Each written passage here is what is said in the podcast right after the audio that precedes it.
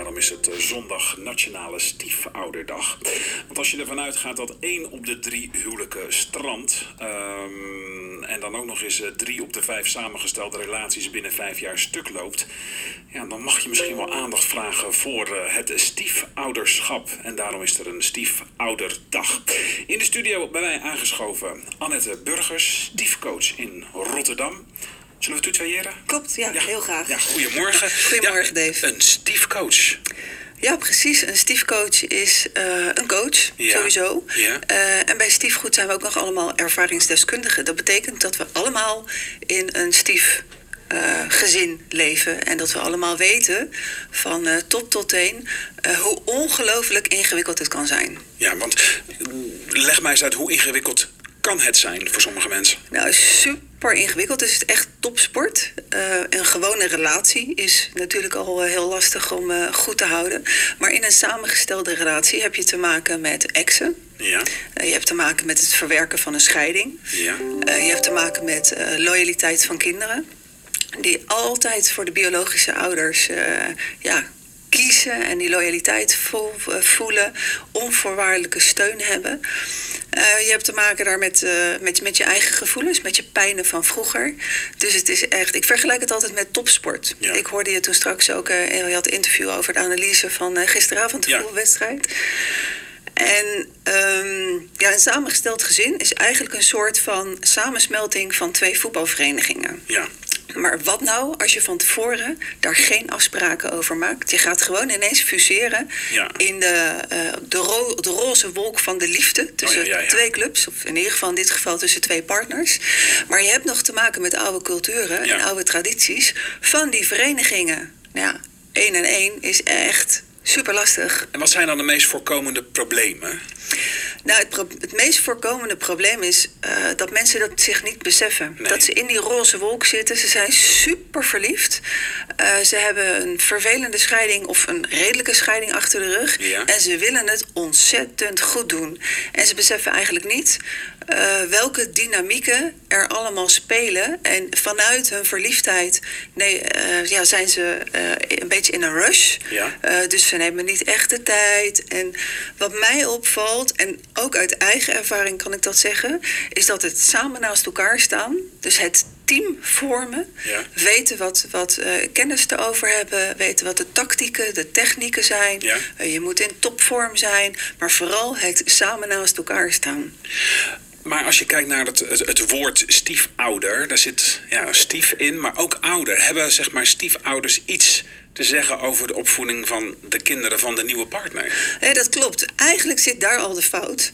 Ehm, vroeger we zijn allemaal opgevoed met de, sp- met de sprookjes. Ja, ik dacht gelijk Eh, stiefmoeder. ja, precies. En de stiefmoeder was altijd fout. Ja. En in feite, je bent geen moeder. De kinderen Nee. hebben al een moeder. Ja. Dus die woorden zijn ergens ooit echt super verkeerd ontstaan. Ja. Je bent slechts een partner van degene die ouder is.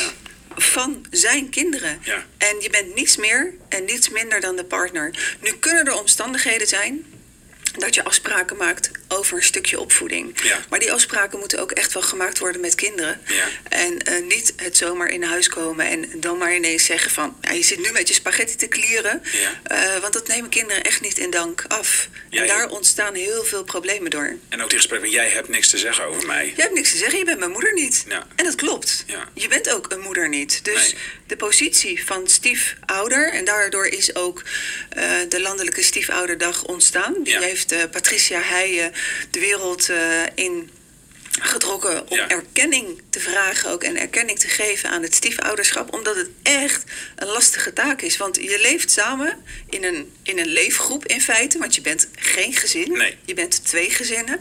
Je leeft samen. Maar wat is je rol als je geen moeder bent?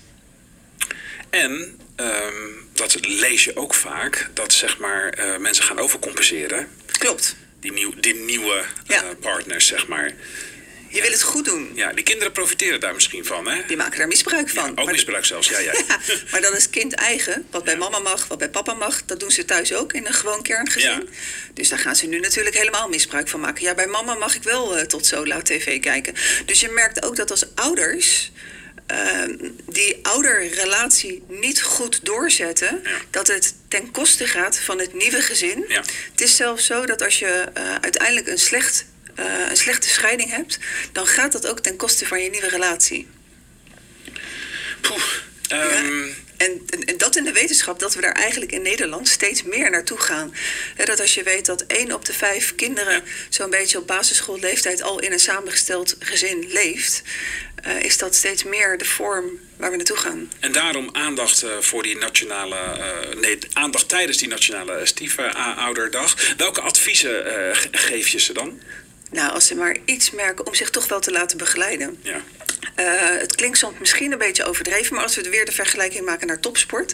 Een topsportteam heeft een coach. Ja. En met de coach bespreek je de technieken, de tactieken.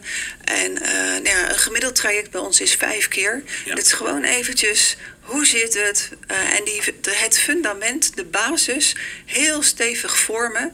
En dan kan je eigenlijk alles aan. Als er nu mensen zitten te luisteren die denken: ja, weet je, ik, eh, ik worstel er eigenlijk ook mee, ik kom er niet uit. Wat, wat kan je voor ze betekenen? Nou, ik zou zeggen, kijk sowieso naar de site van eh, stiefgoed.nl. Daar staan al heel veel tips op. Ja. Ehm, ik maak ook podcasten. Die zijn te beluisteren bij eh, Soundcloud. Ik noem het Op zoek naar de liefde. En daar spreken ervaringsdeskundigen.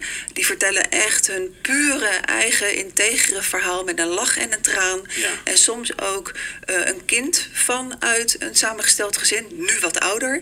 En dan kan je ook merken van ja, wat voor een eh, invloed een scheiding op jonge leeftijd heeft op het leven van, van iemand. Ja. Wat ga je zelf doen zondag? Wat ga ik zelf doen zondag? Ehm, ja, ik denk dat het een eh, gewone zondag wordt. Ja? Het, is niet zo, het is niet een feestdag zoals moederdag of vaderdag. Ik Nee. verwacht niet van de kinderen van mijn vriend dat ze Nee. hier eh, aandacht aan besteden. En dat Nee. hoeft ook niet. Het is meer een stukje erkenning. En eh, nou ja, weet je, als, als zondag eh, gaat er een nieuwe podcast eh, de, de wereld in. En dat is dan een interview met Patricia Heijen. En eh, de- haar persoonlijke verhaal en haar tips. En eh, die ga ik denk ik gewoon nog een keertje luisteren. Want dat is een echt super mooi verhaal. Dankjewel. Annette Burgers dus over de Nationale Stiefouderdag aanstaande zondag. Wij schakelen nu eventjes